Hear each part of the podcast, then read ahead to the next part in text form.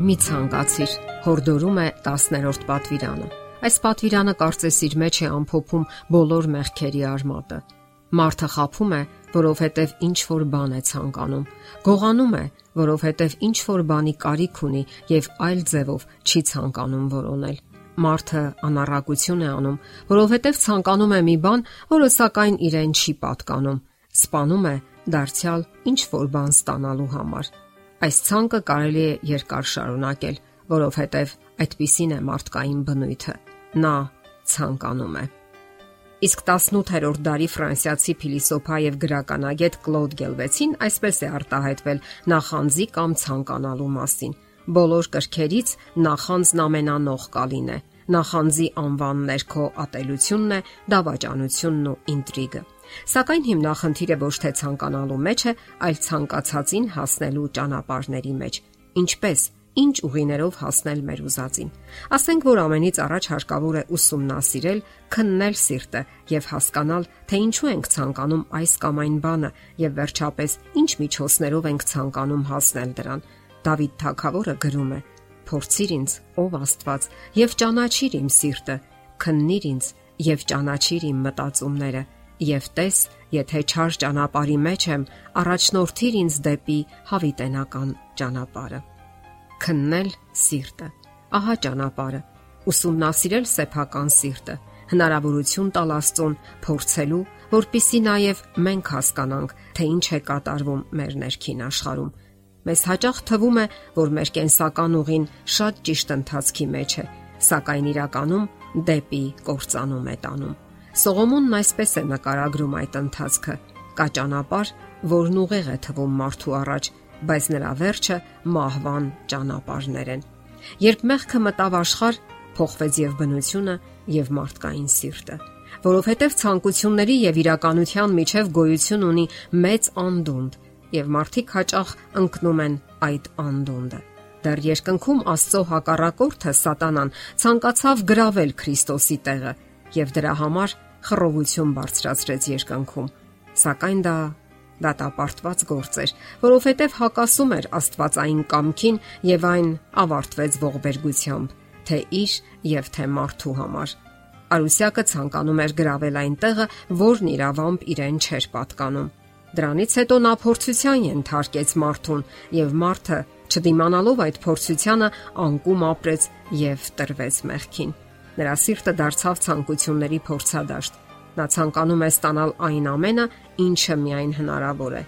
Հաղթանակ կյանքում, սպորտի, քաղաքականության մեջ, աշխատանքում, ընտանիքում, անգամ կրոնի ասպարեզում։ Այս ամենն իրականում ված չէ, սակայն վատ են այն ճանապարհները, որոնցով նա փորձում է հասնել իր ցանկացածին։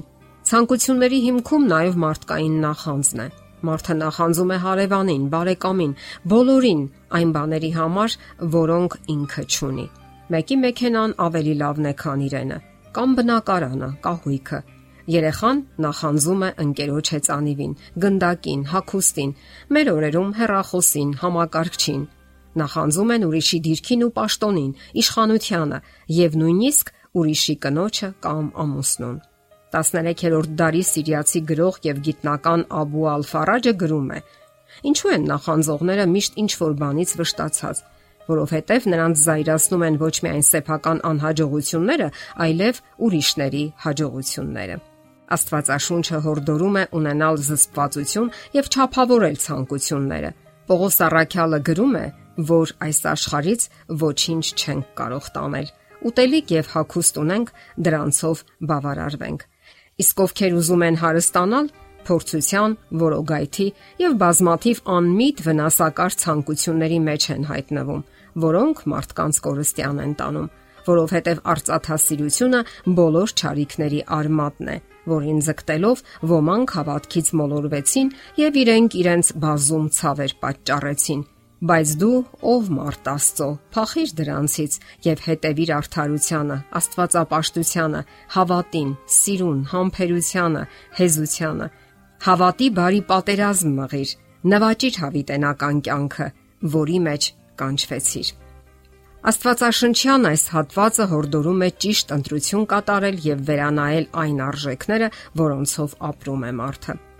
Պողոս Արաքյալը խորհուրդ է տալիս նախապատվությունը տալ հոգևոր արժեքներին եւ լինել համեստ եւ զուսպ ցանկությունների մեջ։ Ամեն ինչի մեջ լինել ճափավոր ու մտածված։ Հակառակ դեպքում մեզ սպասում են լարվածության ու անքուն գիշերների հոգնությունը։ Ցանկությունների մոլեգին փափագն ու նախանձը կարող են պարզապես ոչնչացնել մեր կենսական ուժերը, Եվ եթե նույնիսկ ինչ որ բան մենք ձեռք ենք բերում, ապա այնպիսի ջանքերի արդյունքում, որ պարզապես խեղում են մեր կենսական, հոգևոր ու ֆիզիկական ուժերն ու բարոյական արժեքները։ Այսպիսի պայքարը նման է ցեցի, որ կարող է ուտել ու լափել մեր սեփական ուժերը, եւ մենք կգերհոգնենք ու կսպառվենք։